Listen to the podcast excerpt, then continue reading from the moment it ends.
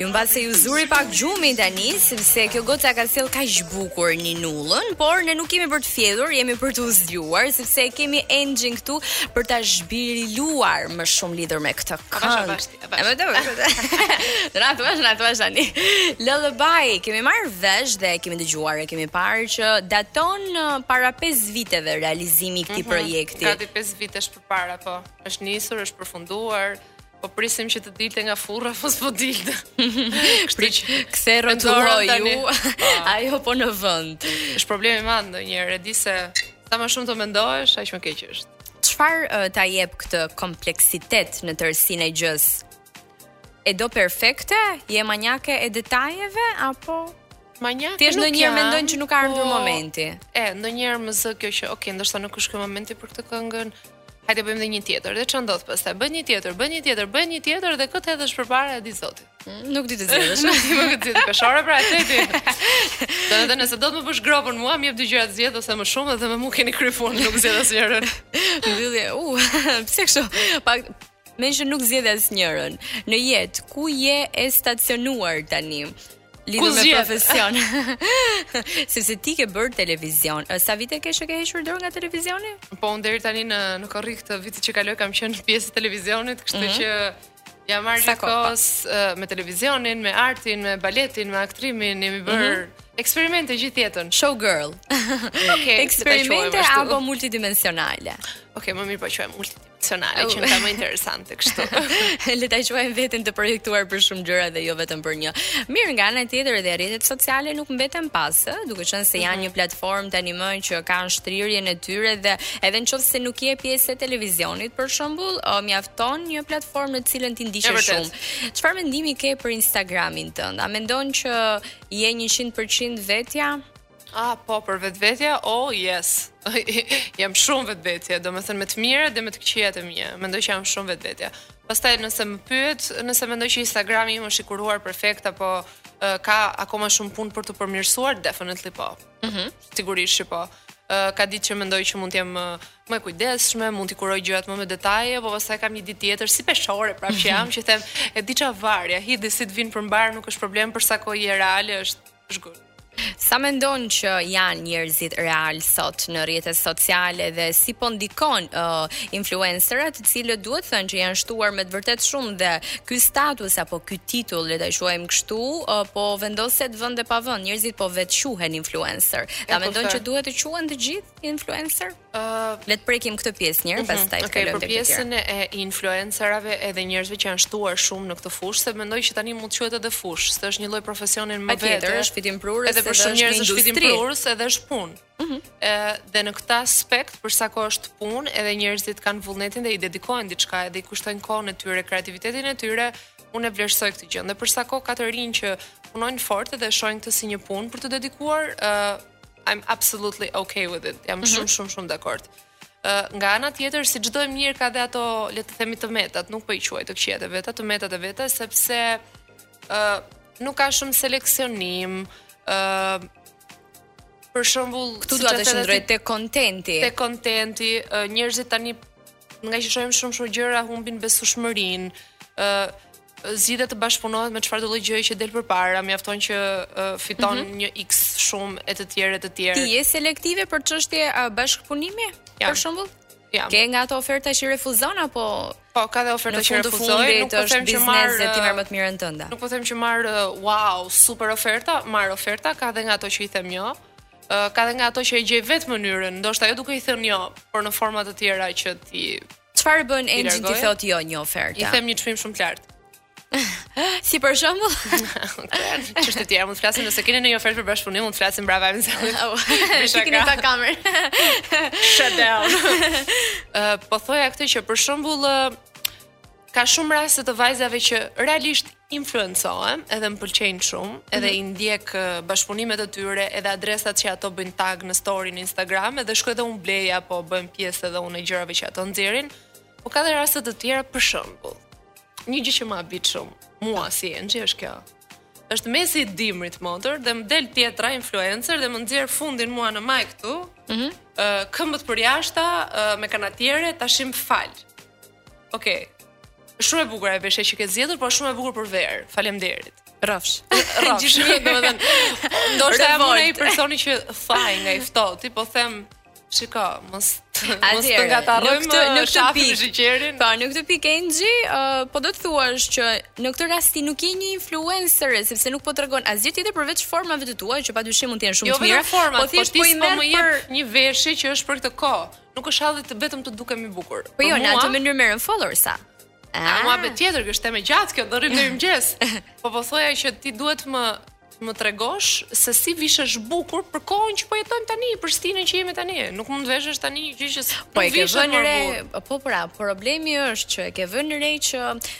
Merr të paktën gjysmën e lajkeve në atë foto që ti ke dalë me një xhup, po po ke pozuar outfit of the day e këtej po andej, e ndërkohë me atë shalën që ti përmende, nuk e kam, unë nuk e kam tek ekspozuarit të mhm. shalës në këtë rast, sesa e kam tek... Kontenti për kohën. Exactly, tek realiteti i gjësë. Nuk më intereson, s'u ja, unë nuk jam fare kundra gjërave që një femër të ndihet bukur, të nxjerrë edhe edhe hiret e saj ashtu siç duhet e të tjerë të tjerë. Jo, jam thjesht për të qenë realiste, thjesht ka pa një një gjë që mua më detaj, patjetër. Domethënë, ndihem më duket absurde sepse e shoh dhe them tashi prit, ta vesh unë këtë gjë dhe dal jashtë, temperatura 40, domethënë pra, është e sigurt. Pra mos e quaj veten influencer kur ti nuk je e updateuar të paktën me kohën, oh. jo më me gjëra të tjera. Absolutisht, për mua gjithmonë, ky është mendimi personal. Dhe tjetra është që tani ne hapim Instagramin edhe seç di domethënë unë bëj shaka ndonjëherë se edhe me dhallë s'ka ngelur që t'i bëjmë reklamë. Mund të bëjmë edhe dhallës, s'është problem, është mirë, shëndetshëm. Gjithë produkte. Do të reklamë, domethënë, nuk e di se sa gjërave Në fund fare, po ta pyesësh të zonjën e punës një informacion shtesë mbi këtë produktin nuk ka asgjë për të. Çfarë mund të më thoni ekstra? Ndonjë gjë tjetër kishit? jo. jo okay. vetëm kaq. Let's okay. buy it. Se për shembull për skin care, që është një çështje shumë delikate, edhe unë e kam vënë re që është me të vërtetë shumë e prekshme mm -hmm. dhe mhm. pothuajse të gjitha vajzat të cilat kanë një numër të caktuar ndjekësish në Instagram, vazhdimisht sjellin gjëra të reja, gjëra të reja, gjëra të reja dhe Me të vërtetë mendoj që nuk është një pikë kyçe referimi për ata që duan t'i po, marrin shembull. Po. Një po. është dhe pak delikate si gjë sepse uh, unë mendoj që për sa kohë merr të prezantosh dhe të marketosh një produkt, minimumi i minimumeve ti si influencer ose si content creator, siç e quajnë mm -hmm. në kohët moderne të sotme, uh, ti duhet të kesh lexuar disa gjëra për atë. Pastaj sigurisht të tjerë. Absolutisht, pastaj çdo njeri e ka lëkurën ndryshe në rastin konkret, dhe nuk është se po. nëse funksionon mua do të funksionon me detyrim edhe ty. Po ishte po. një tjetër shembull si asaj që ndoshta pak më parë. E ndërkohë uh, fotoja jote e famshme Bella Hadid shqiptare, the famous one, uh, bëri buj. E prisje që të kishte gjithë atë uh, reagim në fakt. Sepse ti aty tregove thjesht që ishe real me të gjitha gjërat e tua, si çdo mm -hmm. njeri i rritur që ka edhe të mira, po ka edhe ditë të vështira. Dhe cilët kanë qenë ato komente që kanë të kanë surprizuar më shumë që as ti vetë nuk i prisje? nëse prisja mbështetjen nga ndjekësit e mi aty në Instagram, nga komuniteti im që kam krijuar me shumë dashuri edhe me shumë devotshmëri, e prisja shumë. Mm -hmm. Sepse nuk është se kam marrë komente apo gjëra pozitive vetëm tek ai postim. Janë po të njëjtit njerëz që edhe në postime të tjera kur unë ndihem mirë edhe ndihem shumë e bukur edhe shumë konfidente, më shkruajnë po të njëjtat gjëra dhe më mhm. japin mm -hmm. shumë dritë edhe shumë pozitivitet. Nga ata sigurisht që po.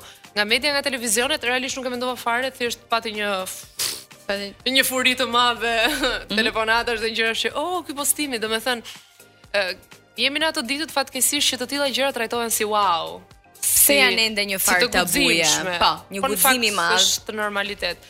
Po sepse ndoshta në botën që po jetojmë, ë uh, marketohet thjesht të qenit shumë i lumtur, të qenit shumë i bukur, të qenit gjithkohës konfident, të udhëtuarit, të jetuarit në luks e të tjerë të tjerë, po praktikisht nuk është gjithmonë jeta ajo dhe tjetra jo çdo njeri ka mundësi për atë gjë, kështu që Po e çon mendon drejt shkatërrimit, të paktën ose problemet me shëndetin mendor, kjo uh, perfeksionizmi që është krijuar apo mm -hmm. imazhi i ca standardeve që shoqëria ka krijuar në platformat sociale? Mm, mendoj që po, nisur edhe nga komentet dhe mesazhet që un marr, qoftë edhe nga adoleshent. Mm -hmm. uh, për shembull, uh, një mesazh që kam marr para disa muajsh dhe realisht më ka ardhur shumë shumë keq, ishte uh, një vajze që fliste për peshën e saj.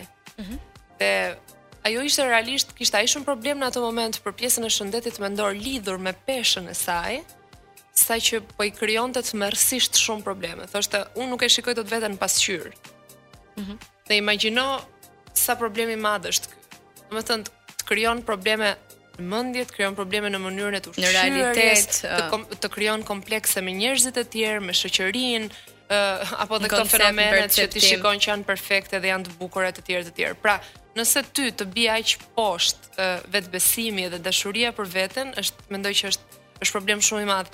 Edhe në ato momenti nuk do kërkosh që të të jesh vetvetja, sepse vetvetja nuk po të pëlqen. Po, po do kërkosh të jesh diçka tjetër që nuk je edhe mendoj që aty fillon problemi më i madh. E shikon veten se çfarë do doje të ishe dhe jo çfarë je në të vërtetë. Dhe kur çdokush mendoj është unik dhe realisht e mendoj këtë, çdo njeri ka ka një vlerë dhe një një, një talent caktuar që mund t'i bëjë mirë vetes, po edhe shoqërisë dhe këtë e kam Domethënë është absolute për mua. Be real si Enxhi, njerëz.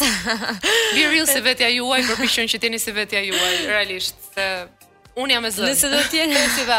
Çdokush tjetër është i zënë do të ishe vetja. E vërtetë. Mirë, ne do të dëgjojmë tani një material muzikor e për t'u rikthyer më pas që të stacionohemi tek ca çështje të tjera që Enxhi ka me shumë qejf, edhe është shumë e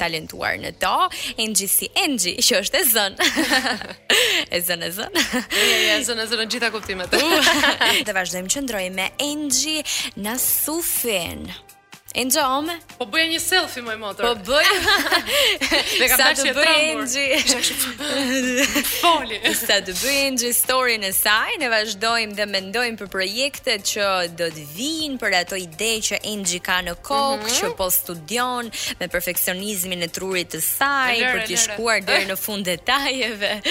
E ndërkohë, Enxhi e rritur në skena që gjithmonë ke dashur dhe ke preferuar të ndash çdo talent që të ka dhuruar uh, natyra, Zoti, oh. kudo që ti beson. Uh, ke dashur ta ndash me ne dhe me të gjithë admiruesit dhe dashamirësit e tu ndër vite tani më.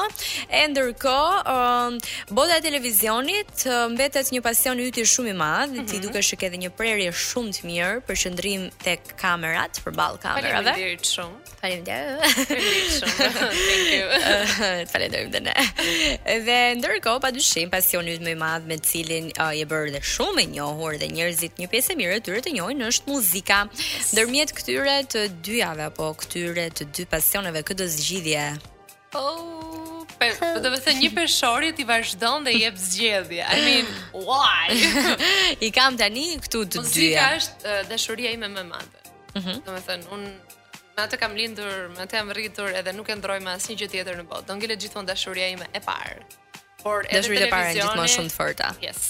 Por edhe televizioni, edhe prezantimi, moderimi janë një gjë që unë kam shumë për zemër, kështu që mendoj që do të vazhdoj në një të ardhme. Jo. Do t'i vazhdosh në një të ardhme. Ke ndonjë plan apo je uh, njeriu që pret të të vijë ndonjë mundësi apo ndonjë Je nga këto luftaraket që bën çdo gjë për të patur, për shembull, një hapësirë tënden apo po ta kishe bërë thuaj do ishe ja, duke luftarake, të them uh, kam ambicie absolut, absolutisht, kam idetë e mia, kam dëshirat e mia, po uh, jam luftarake deri tek tek ajo e mira, domethënë deri tek caqet e tua që ti përcakton. Por shpesh herë, uh, nëse flas konkretisht për punët që kam bër, edhe mm -hmm. qoftë edhe për moderimin le të themi për herën e fundit që kam qenë pjesë e Orës së Tiranës, mm -hmm. janë gjëra që ndoshta i kam thithur energjetikisht më shumë se sa ke dashur t'i marrësh uh, me thjesht më kanë ardhur me logjike. Edhe un thjesht kam bër punën time, uh, kam bër një intervistë normale si çdo njeri tjetër. Mm -hmm. Edhe e kam fituar edhe. E ndërkohë ndërmjet botës së muzikës dhe botës së televizionit, kë shikon uh, si atë më intriganten që ka pak më vështirësi për të çarë, le ta quajmë kështu, ku ka më shumë ferra. Mendoj që të dyja kanë ato. Të dyja. Vështirësitë e veta, pastaj ato grushtat e veta, qofshin të thëna, qofshin të pathëna përballë, po që të tëra e të bëra. Po. Pastaj varet sa person je që i merr parasysh edhe sa ua vë veshin dhe sa ndikojnë tek ty, mua nuk më interesojnë dhe e them shumë hapur këtë gjë, sepse realisht gjithmonë përpiqem që të të punoj fort edhe një punë që ta marr përsipër, ta kryej siç duhet, por jam edhe shumë realisht e përulur që të mësoj. Mhm. Mm nuk është se them unë jam më e mira, unë jam më e bukura dhe rashë dhe vdiqa. Jo. Nuk është e vërtetë asnjë nga këto. Nuk jam as më e mirë, nuk jam as më e bukur, por jam një njeri që nëse kam dëshirë, uh, mund të mësoj, edhe nëse e marr një punë përsipër, atëherë mund mund t'ia dal. Mund ta çosh deri në fund. Exactly. Po që moderimi ose puna e televizionit më më kuriozon shumë dhe më pëlqen shumë për faktin që uh, jam rritur që e vogël në atë gjë, po më pëlqen shumë edhe sepse unë thjesht jam njeri shumë familjar. Mm -hmm. Edhe më pëlqen që të kem edhe orar që të punoj, po të kem edhe orar që t'ja kushtoj familjes time. Me muzikën është ndryshe sepse ka ka impenjim tjetër. Nëse uh, moderimi shpeshherë ka orare, muzika nuk ka orare. Mm. Nëse unë jam një early morning person që zgjohem herët ose kam qejf mëngjesin të jem aktive, uh, me muzikën është ndryshe. E kam provuar që të këndoj nëpër klabe shumë vonë, edhe pastaj zgjohesh në drekë, edhe pastaj gjithë dita më shkon mbrapsht. Ndërmjet karrierës, pra, me gjithë këto të mira dhe të këqijat e veta edhe familjes, nëse do duhet të bëje një zgjedhje, nuk e di pse paskam sot po, po, për të të bërë dëshirë. Ka se daj atë që të zgjedh, më thash. Faleminderit që ma bën jetën shumë të thjeshtë. Do të zgjidhje jetën familjare, më të qetë dhe më me dashuri edhe Unë e kam përgjigjen për këtë. Di që jam mm. peshore, po e kam përgjigjen për këtë. Unë familjen e vë përpara çdo gjëje. Mhm. Mm Domethënë, mendoj që Unë si njeri kam ardhur në këtë jetë që të absolutisht të ndihem dhe vetë e plotësuar, por jam nga ato njerëz që ndihem e plotësuar edhe kur kam një familje, edhe kem në të ardhmen fëmijët e mi. Nuk je nga ato vajzat që janë uh, hustle deri në fund uh, për jo, për ta rritur vetëm karrierën. Jo, mund të bëj hustle dhe me kalamajt. Nuk ka asnjë problem me kalamajt me vete edhe. Knonja të gjithë vetë të gjithë si fëmijë, të gjithë si familje.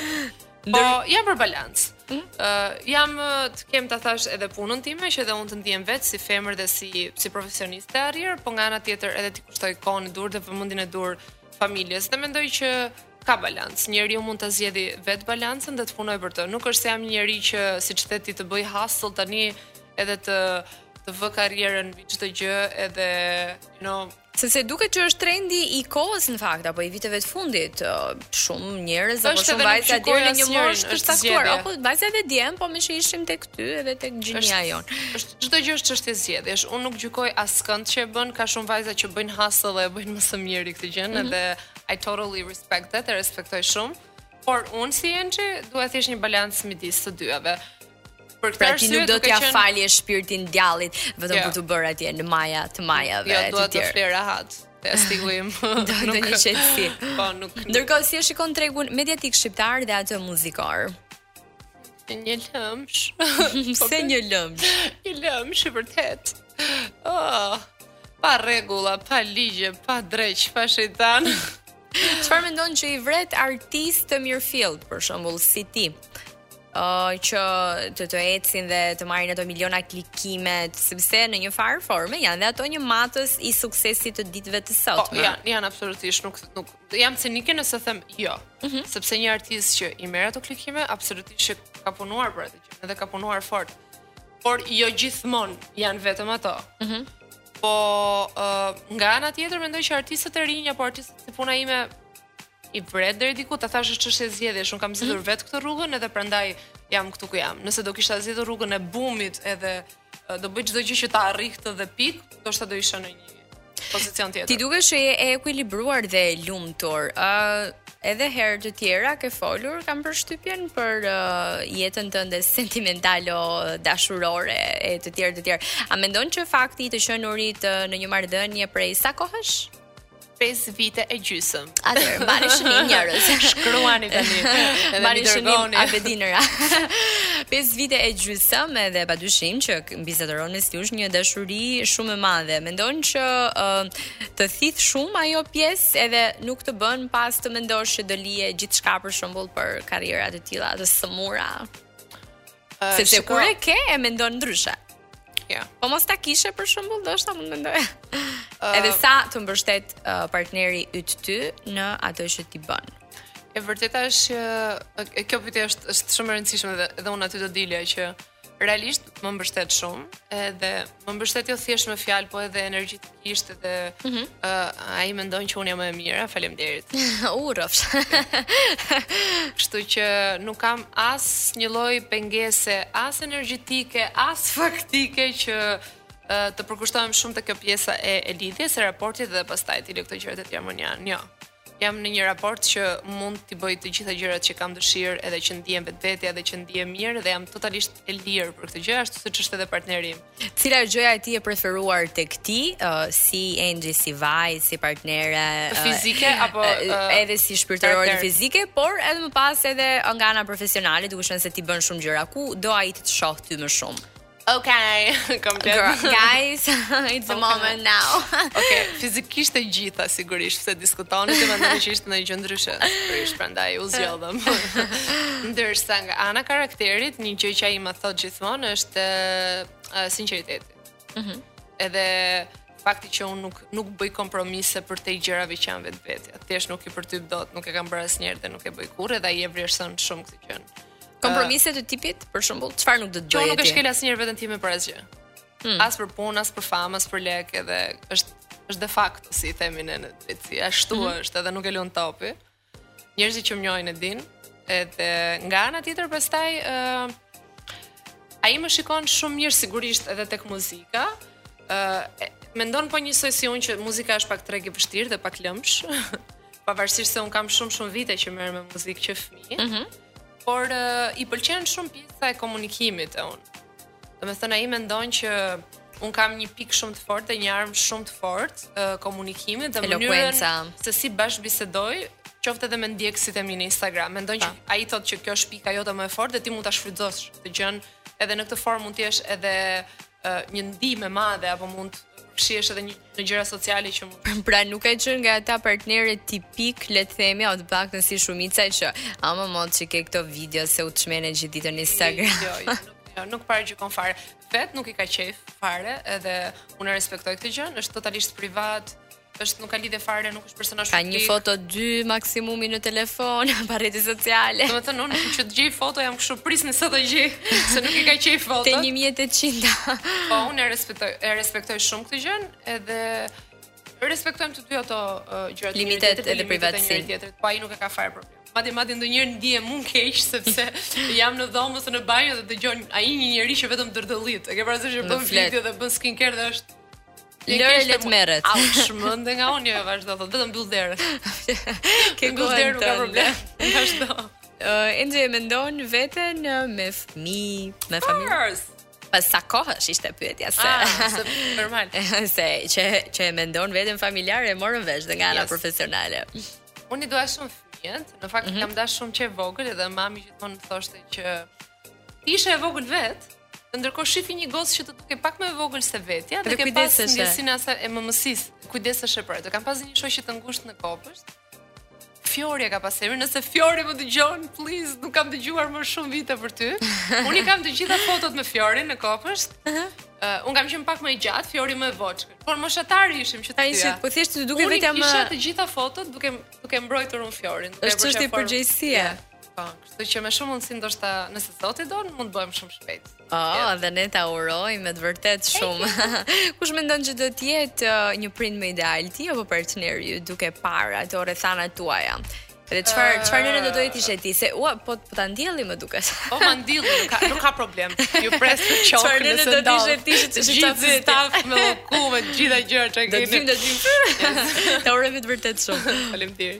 A ti mendon që do jesh autoritare apo kjo e kujdesshme e dashur pak e fiksuar? Të gjitha mamat që do më dëgjojnë do më thonë, prit se s'e ke provuar akoma po flet kjo tani pa bërë fëmijë se si. E di që nuk ka formula fikse. Mm. E di që situatat të dalin nga duart, po mendoj që njeriu për sa kohë uh, reflekton dhe don të përpiqet të bëjë më mirë, mund të bëjë. Mendoj që do jem një gjë e mesme. ë uh, un kam një shprehje që uh, tani e mendoj, jo, nuk e di sa do jem e zonja un që ta vej që duhet të jem një nën uh, që ta lë fëmijën e lirë, të ketë totalisht ndoshta privatësinë dhe individualitetin e vet, mm -hmm. por me udhëheqje. Pra qoftë edhe pa folur, të jap shembullin tim. por pa e ndikuar pastaj në lirinë e vet. Por duhet të jesh edhe ti vetë një model shumë i mirë për të. Po, pra është sa e mendon veten të gatshme për të dukur një model i mirë për fëmijën tënd, atëherë mendoj që fëmijët janë në rregull. Me aq sa kemi parë dhe eksperienca që kemi nga njerëz të afërt, mendoj që fëmijët janë shumë të zgjuar, mm -hmm. janë shumë të pastër, thithin çdo gjë, mendoj që janë si sfungjer dhe sa më të vegjël të jenë mendoj që aq më shumë kuptojnë. përkundrazi nga njerëzit që thonë hë mo se nuk kupton ai, jo kupton perfekt edhe kupton shumë. Mendoj që E shikon nuk do të flasim fare dhe mund ta japim shembullin siç duhet. E shikon Shqipërinë uh, si vend ideal për të ngritur ato kështjellat dhe kalat e tua të karrierës suksesi të vendosësh uh, baza shumë të mira edhe për një familje? Ëh, uh, Apo e mendon ndonjëherë dhe largimin? Ka, e kam menduar shpeshherë, po pastaj prap kam qëndruar këtu. Ndoshta për një arsye për një tjetër, mm -hmm. absolutisht mendoj që ne jemi një vend që kemi nevojë për shumë përmirësim, madje madje një nga gjërat që mendoj është uh, shkollimi edhe shëndetësia. Mm -hmm. Qoftë sigurisht për fëmijët, nëse do të kemi nesër pasnesër, mendoj që janë dy gjëra që më çalojnë pak edhe them uroj që të përmirësohen edhe Megjithatë me përpjekje, dashuri e vullnet arrihen të gjitha. Eh. Mirë, Enxh, ne të falenderojmë me të vërtetë shumë për këtë intervistë kaq të bukur dhe kaq të këndshme. Do doja ta mbyllnim uh, me diçka që ti do doje të thoje për këdo, le të ta lëmë ty të lirë. Po më lë të lirë mua. Po, okay. Po, qoftë një mesazh për njerëz që ti do, qoftë për një peng që të ka ngelur këtë ditë, qoftë për ndonjë ide që ke për të ardhmen, ndonjë collaboration që mund të kishe ide, le ta ah, hedhim. Okej. Okay.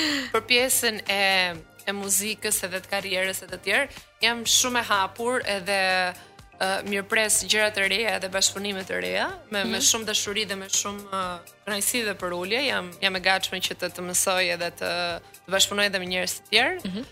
Kështu që me muzikën dhe me moderimin e kam mbyllur këtë, jam e gatshme që të më thoni, "Ej, kemi një emision, you great." Do të jam intervistë. Ne ta urojmë me vërtet shumë. jam, jo, Absolutisht jam e kënaqur sepse nga çdo eksperiencë mendojmë që mund të marrim diçka të mirë dhe mund të mësojmë shumë shumë gjëra, kjo është absolute. Ndërsa për pjesën tjetër thjesht më erdhi kështu natyrshëm të thoja që ta doni shumë veten, shumë. Por nga ana tjetër të doni shumë edhe njerëzit e tjerë që keni afër, qofshin familjarë, qofshin rreth tjetër shoqëror e të tjerë të tjerë. sepse ndonjëherë uh, bëhemi paksa egoistë edhe na rrëmben pak kjo rutina e ditës edhe harrojmë pastaj se ne jetojmë me njerëz të tjerë. Është e vërtetë që kemi ardhur vetëm, por jetojmë jemi njerëz socialë dhe jetojmë në komunitet, kështu që uh, nëse keni gjëra të mira për t'u falur njerëzve, bëjeni. Nëse jo, okay, qëndroni pa prekur dhe pa lënduar askënd dhe jeni good to go. Nëse s'bëni dot mirë, paktën mos bëni keq. Pa keq, a mund të keq. Enxhi, të falenderoj me të vërtetë shumë, ishte një bisedë shumë e bukur, shumë e këndshme. Të mirëpresim sa herë këtu, do të kemi gjithmonë shumë për zemër. Faleminderit shumë për ftesën, edhe është e sigurt që un vi me shumë kënaqësi këtu. Është absolut. Melodi do të vi tani apo ma ndryshove Wizi që ka pendimi. Ah, ah. sheshe. Ta përcjellim si duhet o DJ Wizi. Mhm, Kemi pendimi. Ne urojmë që mos pendohemi kurrë me jo, gjithë jo, jo, e vështirë. Enxhina Sufi dhe Buki DJ. Mësime, jo pendime.